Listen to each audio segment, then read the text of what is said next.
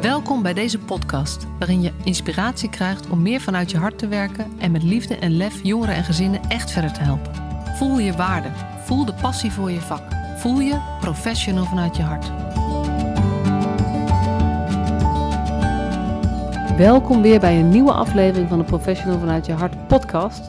Dit is aflevering 136. Morgenochtend 6 uur moet hij online komen en het is nu zondagavond kwart over acht.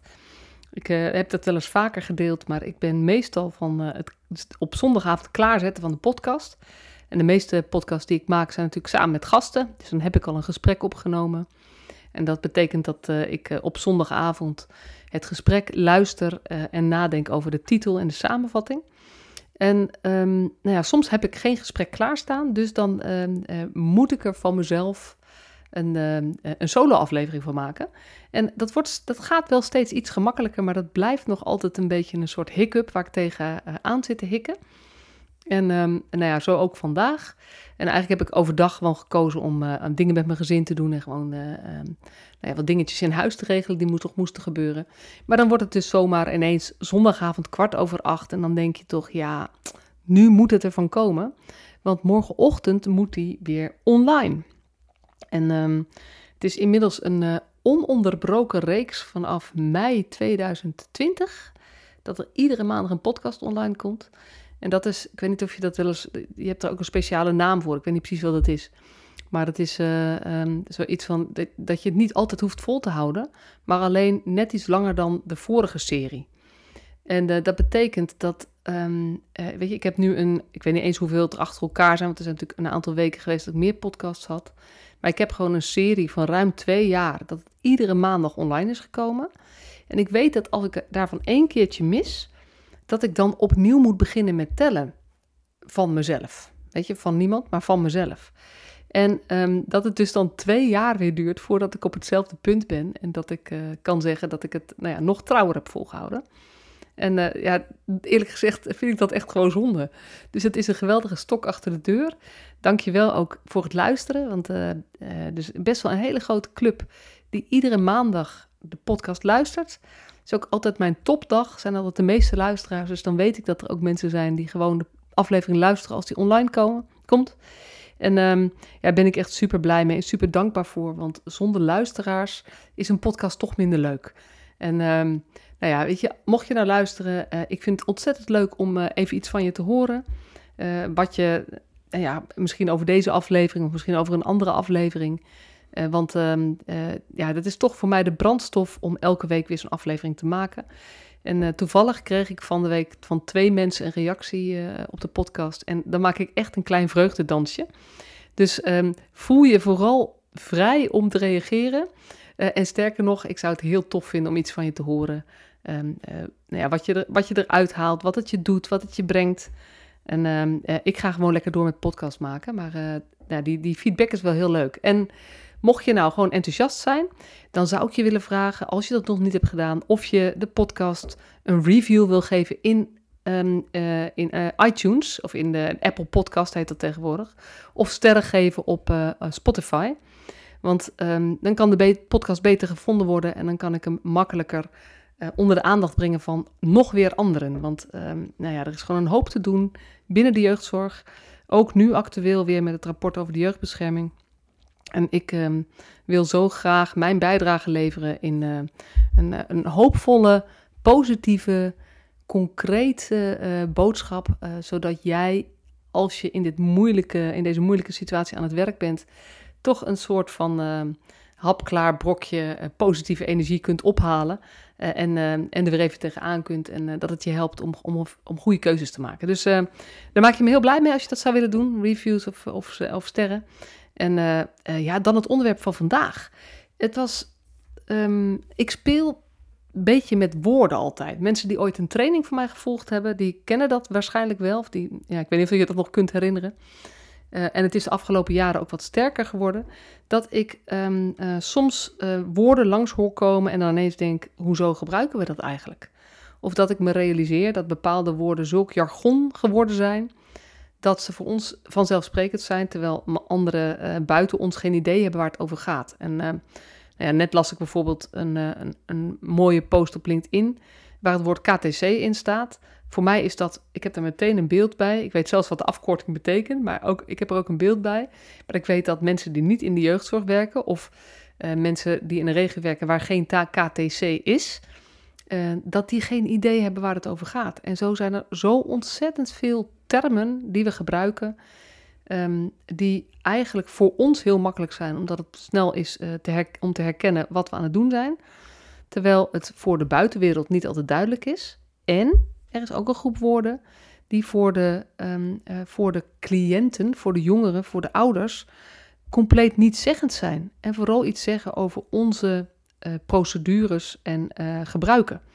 En um, ja, voor ik het vergeet, mocht je nou niet weten wat een KTC is, dat is een K, het staat voor Kamertrainingscentrum en dat is een, uh, meestal een huis waarin een beperkt aantal jongeren woont. Ik ken ze met, met vier, vijf jongeren. Ik ken ze ook met acht, negen jongeren. Um, ik ken ook nog wel iets groter, maar dan heet het meestal geen KTC meer. Uh, waar uh, een deel van de dag begeleiding is. En de, de jongeren die wonen, die krijgen begeleiding uh, om um, zelfstandig wonen, zich voor te bereiden op zelfstandig wonen. Maar waar ik het vandaag met jullie over wil hebben, is over de evaluatiebespreking. De EB, zoals die altijd in mijn agenda stond toen ik nog um, in, de, in de uitvoering werkte. ik heb het nooit toen ik aan het werk was daarover nagedacht. Maar um, nou ja, nu geef ik dus veel trainingen en ben ik ook vaak in gesprek met, uh, met, met, met jongeren, uh, oud-jongeren, oud, um, uh, of, en, en ouder en hun ouders, maar ook met, met collega's. En op een gegeven moment dacht ik, ja, wat is dit eigenlijk voor rare naam die wij gebruiken? Want een evaluatiebespreking, waar is dat voor bedoeld? Waar, waar gaat dat over? Het woord evaluatie betekent kijken hoe, nou ja, of eigenlijk, ik weet niet eens wat de definitie is, had ik misschien even moeten opzoeken voor deze podcast. Maar dat staat eigenlijk voor terugkijken en evalueren hoe het plan is gegaan. En als ik me voorstel dat ik uh, als ouder um, nou ja, met gewoon gedoe in mijn gezin zit, uh, of ik ben een jongere die, um, nou ja, met wie het niet in alle opzichten goed gaat, of in ieder geval vinden anderen dat. Um, en ik heb een evaluatiebespreking, dan word ik daar gewoon niet blij van. Dan, um, dat woord zegt me niks. Het klinkt veel te formeel en, en veel, te, um, veel te deftig. Veel te officieel ook, als je, als je denkt voor jongeren, veel te officieel. En het is echt vaktaal. Het is eigenlijk een vakterm die wij gebruiken voor een, iets wat wij natuurlijk moeten doen. Want ik ben helemaal niet tegen evalueren. Ik ben uh, erg voor, kijk, eh, heeft het gewerkt wat je bedacht had? Zo ja, zo nee, stop ermee. Zo ja, doe er meer van. Zo simpel is het eigenlijk als je in het oplossingsgericht denken denkt. Maar um, evaluatiebespreking, daar worden jongeren niet blij van, daar worden ouders niet blij van. En als je heel eerlijk bent, welke professional wordt daar nou wel blij van? Ik weet niet hoe het jou vergaat, maar um, de meeste mensen die ik spreek, die zeggen niet jubelend, yes, vanmiddag weer een evaluatiebespreking. Of die zeggen ook niet met een, een uh, blije stem, ik ga eens even de evaluatiebespreking van volgende week voorbereiden. Um, en ik denk dus echt dat dat te maken heeft met het woord wat we gekozen hebben. Uh, niet dat dat de oorzaak is, maar dat het accent gewoon verkeerd ligt. Want um, dat terugkijken op hoe het is gegaan, dat is, nou, ik plaats hem eventjes voor jongeren, dat is voor jongeren gewoon niet leuk. Zij weten al hoe het is gegaan. Bij zo'n bespreking zitten allemaal mensen die er iets over willen zeggen, hoe zij vinden dat het is gegaan. Dan moeten jongeren ook zelf nog iets zeggen hoe het is gegaan. En um, dat is allemaal verleden tijd en gebeurd. En natuurlijk, als zij mooie stappen hebben gezet, is het heel tof om daar compliment over te krijgen. Maar um, zou het niet veel betere tijdsbesteding zijn als het in plaats van over het verleden, hoe het gegaan is de afgelopen periode, want het is eerlijk gezegd niet eens een evaluatie over het leven van de jongeren, het is een evaluatie van de hulp in de afgelopen periode. Want nou ja, als wij, wij moeten natuurlijk verantwoording leggen, afleggen over wat we doen, ook helemaal terecht, daar gaat, het, daar gaat deze podcast niet over. Maar um, we moeten oppassen, denk ik, en het is gewoon zonde van ieders tijd en energie, als die evaluatiebespreking een soort verantwoordingsaflegmomentje is.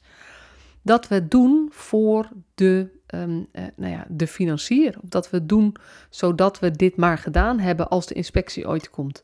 Dat we het doen zodat het dossier op orde is. En een evaluatiebespreking, net zoals een evaluatieverslag, heeft in mijn beleving toch een beetje die functie, heel vaak.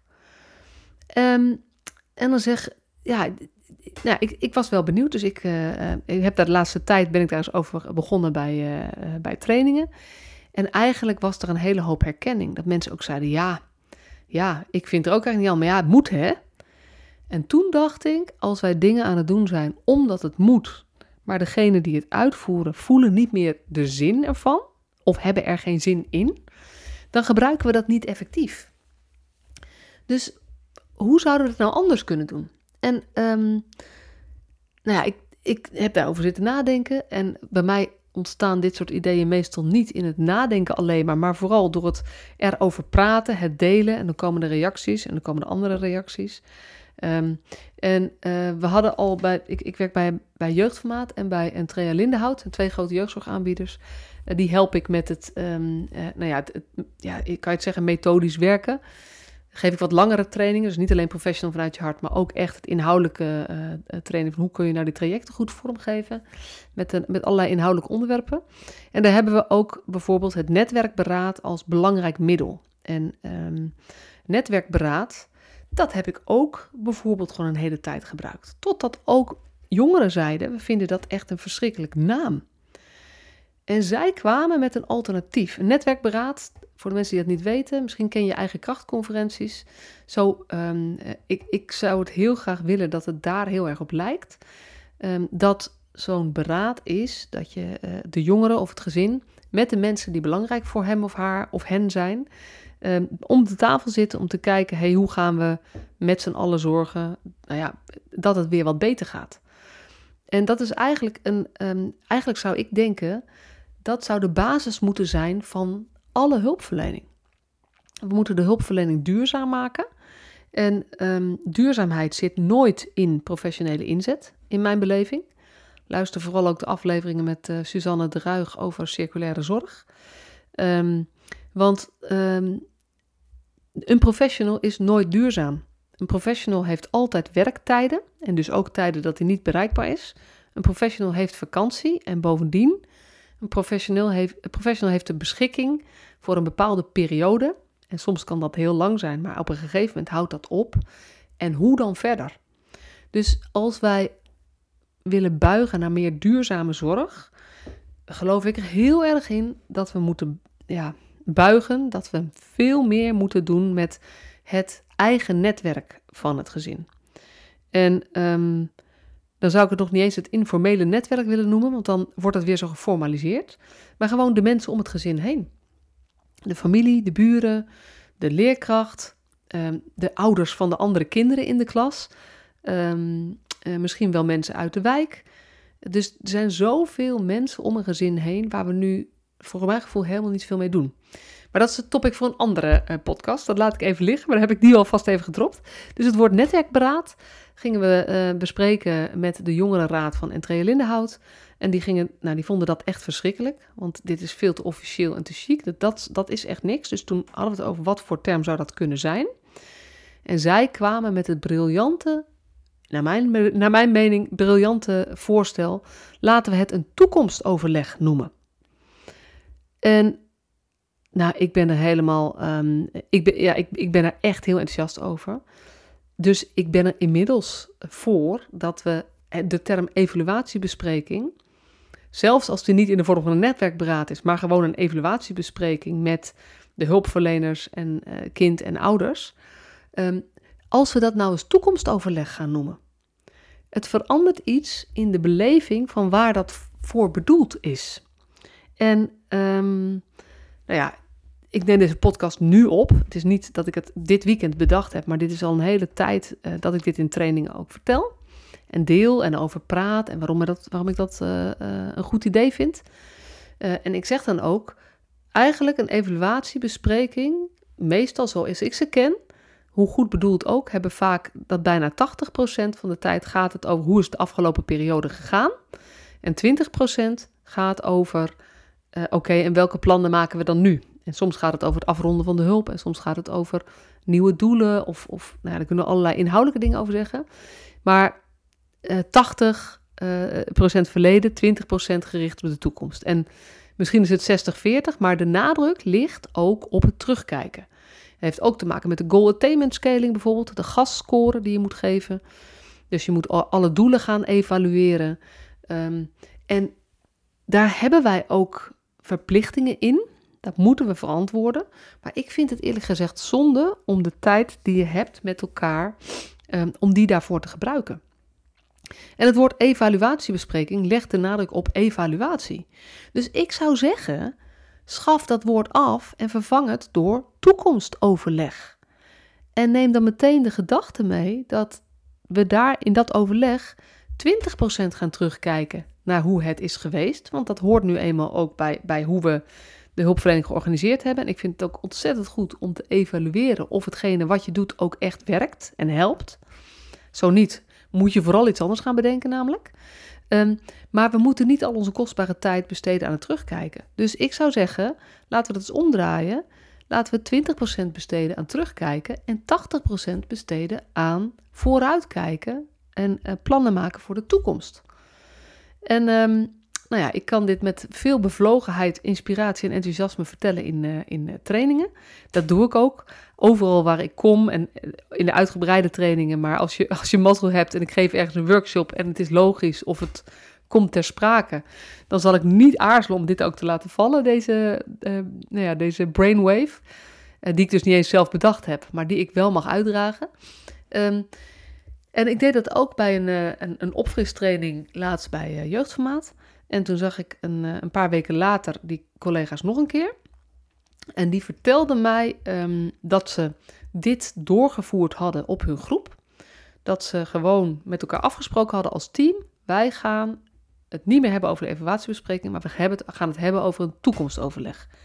En zij werkt op een groep met um, uh, jongeren met een nou ja, lichtverstandelijke beperking en, uh, ja, en, en meer problemen. Wel gewoon jeugdzorg, dus jeugdzorgorganisatie. Um, die deels gesloten ook gezeten hebben. Dus echt, nou ja, de jongeren die, die ook het klappen van, van het systeem en de zweep al wel kennen.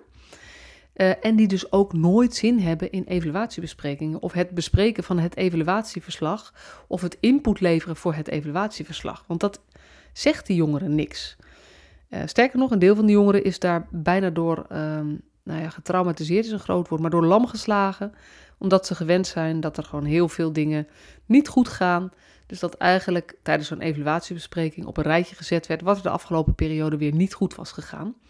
Um, dus die waren er niet voor gemotiveerd. Zij zijn als team daarmee gaan experimenteren en zij zijn het gewoon toekomstoverleg gaan noemen. En zij vertelde mij dat dit voor de jongeren ontzettend veel uitmaakt. En dat de reactie van de jongeren ook dus nou ja, hen weer verbaasd heeft. Want um, ze had een, een overleg, een toekomstoverleg staan. Ze zei tegen een van de jongeren op die groep: hey joh, we moeten eventjes uh, uh, kijken, want vanmiddag is jouw toekomstoverleg. Dat toen een van de andere jongeren zei, spontaan uit zichzelf: hey, dat wil ik eigenlijk ook, een toekomstoverleg.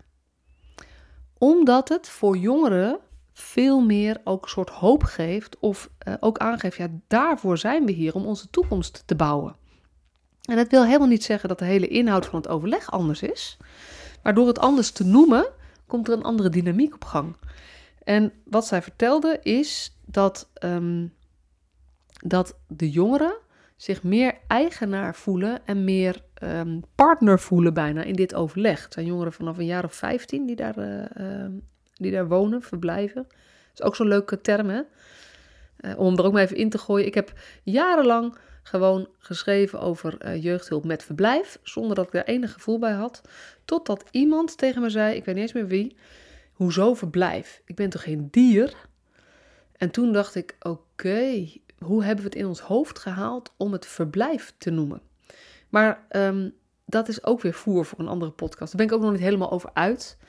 Um, maar we weten natuurlijk wel, bestaanszekerheid, mogen wonen, is voorwaarde om je te kunnen ontwikkelen. Dus wat zeggen wij tegen jongeren als ze hier alleen maar verblijf hebben in plaats van dat ze er wonen? ik denk dat daar ook een soort van nou ja, een, een, psychologisch effect is, wat we helemaal nooit bedacht hebben. Het is nooit vervelend bedoeld geweest. Het is zelfs positief bedoeld geweest, denk ik. Omdat wonen doe je thuis. En hier, dit is tijdelijk. En dit is alleen maar, nou ja, omdat het thuis even niet gaat. Maar het woord verblijf heeft dus hele, eh, voor veel jongeren in ieder geval, want ik heb het daarna van meer mensen teruggehoord, een hele negatieve lading. En ik kan het ook heel goed begrijpen. Dus ehm, die heb je ook al eventjes cadeau gekregen. Maar ehm, dat woord toekomstoverleg brengt dus ehm, dat jongeren meer verantwoordelijkheid nemen voor hun eigen plan. En in het verlengde daarvan, of eigenlijk daarmee samenhangend, ben ik ook, um, nou ja, roep ik ook overal dat het woord hulpverleningsplan af moet schaffen. Want hulpverleningsplan is letterlijk het plan van de hulpverlening. Um, en het gaat om dat het het plan is van de jongere of van het gezin. Dus, dus um, als het een hulpverleningsplan is, wie moet er dan werken? Ja, het is een plan van de hulpverlening. Dus er zit een soort van activiteit automatisch van de hulpverlening in. Terwijl we eigenlijk graag altijd willen dat nou ja, de, cliënt zelf het gevoel heeft dat hij, nou ja, niet alleen het gevoel heeft, dat die aan het werk is om zijn eigen toekomst beter te maken. En um, dat we het best wel lastig vinden als we het gevoel hebben dat de, eh, de jongeren of het gezin wat achterover leunt en wij hard moeten werken. En ik denk dus echt dat het veranderen van de naam daarvan al, een al helpt. En uh, nou hoor ik ook steeds vaker cliëntplan. Vind ik al ietsje beter. Maar het, is, het woord cliëntplan is neutraler. Maar het is nog niet iets wat een, een actieve vorm in zich heeft. Of iets, een vorm van actie in zich heeft. En toekomstplan heeft dat wel. En ik weet dat er volgens mij in de gemeentelijke hoek uh, ook een, een, document ontwikkeld is wat toekomstplan heet. En uh, het zou heel goed kunnen dat dat ook met de Big Five uh, is. Maar dat, ik weet, dat moet ik nog eens uitzoeken, dat weet ik niet precies. Um, maar dan gaat het over dat je dat ook nog eens perfect ingerecht hebt. Terwijl ik persoonlijk denk, een eerste stap die iedereen zou kunnen maken, die hierdoor geraakt wordt, is te gaan spelen en te gaan uitproberen wat er gebeurt als je het woord evaluatiebespreking verandert in toekomstoverleg en het woord hulpverleningsplan of cliëntplan gaat veranderen in toekomstplan, omdat ik denk dat dat gewoon eh, iets doet met eigenaarschap en het gevoel hebben: dit gaat echt over mij. En uh, ik geloof uiteindelijk dat uh, mensen zichzelf het beste verder kunnen helpen. En dat wij er vooral zijn om, uh, nou ja, om ze te helpen welke stapjes ze zouden kunnen zetten. En het vertrouwen te geven en aan te moedigen. nou ja, te coachen, zeg maar. Ehm, zodat mensen zelf iets doen aan de dingen die er nu niet goed gaan. Of niet goed genoeg gaan. En um, daarvoor heb je wel eigenaarschap nodig. En heb je ook het gevoel nodig dat het over jou gaat. Dus zeker is het ook belangrijk hoe dat plan eruit ziet. Um, dat is ook, ja, er zitten hier heel veel sub-podcasts in. Dus wie weet uh, ga ik er nog eens een serietje over maken. Of gewoon af en toe een losse aflevering, want dat zal het wel worden. Um, maar uh, ook de benaming van zulke soort uh, besprekingen. een startgesprek, weet je, dat is op zich ook al, weet je, dat kan nog start van de hulp zijn, dus dat snap ik nog wel. Maar eigenlijk is het toch ook zo mooi als het daar ook over de toekomst mag gaan. Uh, en het is vooral voor ons belangrijk om te weten of het een startgesprek is, of een eerste evaluatiebespreking, of een tweede evaluatiebespreking, of een eindgesprek. Terwijl um, voor de mensen gaat het gewoon over hun leven. En um, ik vraag me af of zij het net zo belangrijk vinden als wij om precies de ordening te snappen van wat voor soort gesprek. Of dat zij vooral graag willen dat het over hen zelf gaat en dat ze plannen maken voor de toekomst. Heb ik ze niet gevraagd. Dus um, dit, zijn nog, dit zijn nog wel gewoon mijn gedachten die ik nu met je deel. Maar waar ik zeker nog uh, ook over in gesprek ga met de mensen die ik tegenkom. Om te vragen hoe dat voor hen is en, en, en hoe dat voelt als deze woorden gebruikt worden. En um, weet je, het is geen. Het is een. een ja, ik wou zeggen, het is geen trucje. Um, Woorden doen ertoe. Dus nee, het is geen trucje, maar het is ook wel een trucje. Want als je een ander woord uh, gebruikt, heeft het een andere beleving. En een andere beleving heeft gewoon een ander effect op mensen. En tegelijkertijd hangt dat voor mij samen met echt een visie op hoe, um, hoe ik kijk naar hulpverlening. Um, en uh, nou ja, daar, uh, daar heb ik best wel ehm, eh, uitgewerkte ideeën over. En daar is gelijkwaardigheid heel belangrijk in. Duurzaamheid is heel belangrijk. Um, regie bij, zelf bij de cliënt, zeg maar, uh, is heel belangrijk. En natuurlijk de verbinding. En dit zijn allemaal nou ja, elementen die ook een rol spelen um, bij zo'n, zo'n het woord toekomstoverleg en het woord toekomstplan. Nou, dit was mijn inspiratie voor deze maandagochtend. En um, ik weet natuurlijk dat de meeste van jullie helemaal niet luisteren op maandagochtend. Dus misschien luister je het op dinsdagmiddag, op woensdagavond uh, of ergens in het weekend. En misschien wel pas in 2023. Want die podcast staat natuurlijk gewoon uh, de hele tijd uh, online. Het is ook zo tof dat um, de podcast die ik in mei opgenomen heb, mei 2020, worden gewoon nog steeds beluisterd. Dus dat is ook gewoon zo tof hoe, dat, um, hoe lang dat doorgaat. En dat is um, de waarde die je dan deelt ook gewoon um, nog steeds waarde heeft voor mensen. Dus dat, nou dat, ik, ben echt zo blij met het podcasten. Ik word er helemaal uh, gelukkig van. Maar deze gedachte wou ik even met je delen. Dankjewel voor het luisteren, helemaal tot het eind. Mocht je heel enthousiast zijn over deze gedachte, mocht je ook geloven in dat, dat de, de hulpverlening echt anders kan, echt anders moet. Dat we niet moeten vechten tegen het systeem, maar dat we het vooral anders ja, moeten laten zien dat het anders kan. Door ons ook echt te verbinden met mensen. Um, ik ben bezig met het opbouwen van een professional vanuit je hart community. Heb ik al eerder genoemd in de podcast. Dat doe ik meestal helemaal aan het eind, want het is een beetje nog voor, nou ja, nog. Het is een beetje voor intimie. Uh, in die zin dat, ik, uh, um, uh, dat de bedoeling is dat het een club mensen wordt die um, elkaar ook bedding geeft om nou ja, in de woelige baren waarin we leven, toch vanuit het hart te blijven hulp verlenen. En daarin ook ja, gewoon liefdevolle zorg, gelijkwaardige zorg te kunnen bieden. Hulp, zorg of hulp te kunnen bieden. En ja, als je aangesproken voelt door, door mijn energie, mijn insteek, mijn geluid. Uh, en er een beetje tegen kan dat het af en toe wat rommelig is. Dan nodig ik je van harte uit om eens te kijken op de, uh, de, pagina, de, de webpagina waar, we, waar ik daar wat over vertel. Of we daar wat over vertellen. Want we hebben al 50 leden inmiddels. Um, en dat is www.professionalvanuitjehart.nl slash community. Um, ik ben zo blij met, um, met de mensen die daar lid van zijn. En ik geloof echt dat we samen de wereld mooier kunnen maken. En als dat nou is wat jij ook wil, waar je blij van wordt.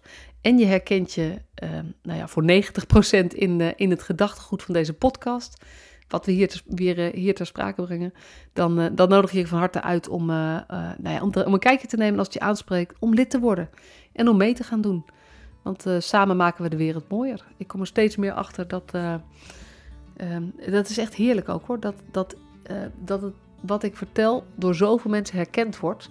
En het lijkt me heel erg tof om een netwerk te bouwen met al die mensen die zich hier ook in herkennen. En dan plannen te maken hoe we dit verder kunnen verspreiden. Nou, dit was het voor vandaag. Dankjewel voor het luisteren en tot de volgende podcast.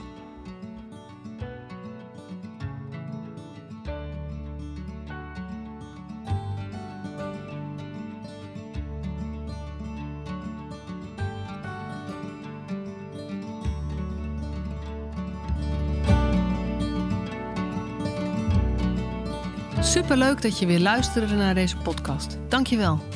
Nog even kort een paar belangrijke dingen. Ten eerste, het is mijn missie dat de jeugdhulp weer een sector wordt waarin bevlogen, liefdevolle professionals jongeren en gezinnen echt verder helpen. Daarom maak ik deze podcast voor jou. Wil jij deel uitmaken van deze beweging van Professional vanuit je hart, waarin professionals elkaar steeds opnieuw inspireren? Begin dan met het lezen van mijn boek. Je kunt de eerste hoofdstukken helemaal gratis lezen. Ga naar professionalvanuitjehart.nl/boek. Ten tweede, wil je alle podcastafleveringen overzichtelijk onder elkaar? Abonneer je dan op deze podcast. Klik in je podcast-app op de button subscribe of abonneren. En elke keer als er een nieuwe podcastaflevering gepubliceerd wordt, ontvang je automatisch een berichtje. Ten derde, ondersteun je mijn missie? Geef me dan een review via je podcast-app, bijvoorbeeld iTunes of Spotify. Op die manier kan ik nog meer professionals bereiken. En ken je een collega voor wie deze podcast ook interessant is? dan zou het super zijn als je hem of haar de podcastaflevering doorstuurt. Bijvoorbeeld door de link te kopiëren via Spotify. Ik vind het altijd heel leuk om berichtjes te ontvangen van luisteraars. Om te horen wat je van een podcast vindt. Of als je misschien vragen of suggesties hebt. Of als een aflevering je een bepaald inzicht heeft gegeven of er iets in beweging is gekomen. Stuur me dan even een berichtje op masha.professionalvanuitjehart.nl via de website of stuur me een connectieverzoek op LinkedIn.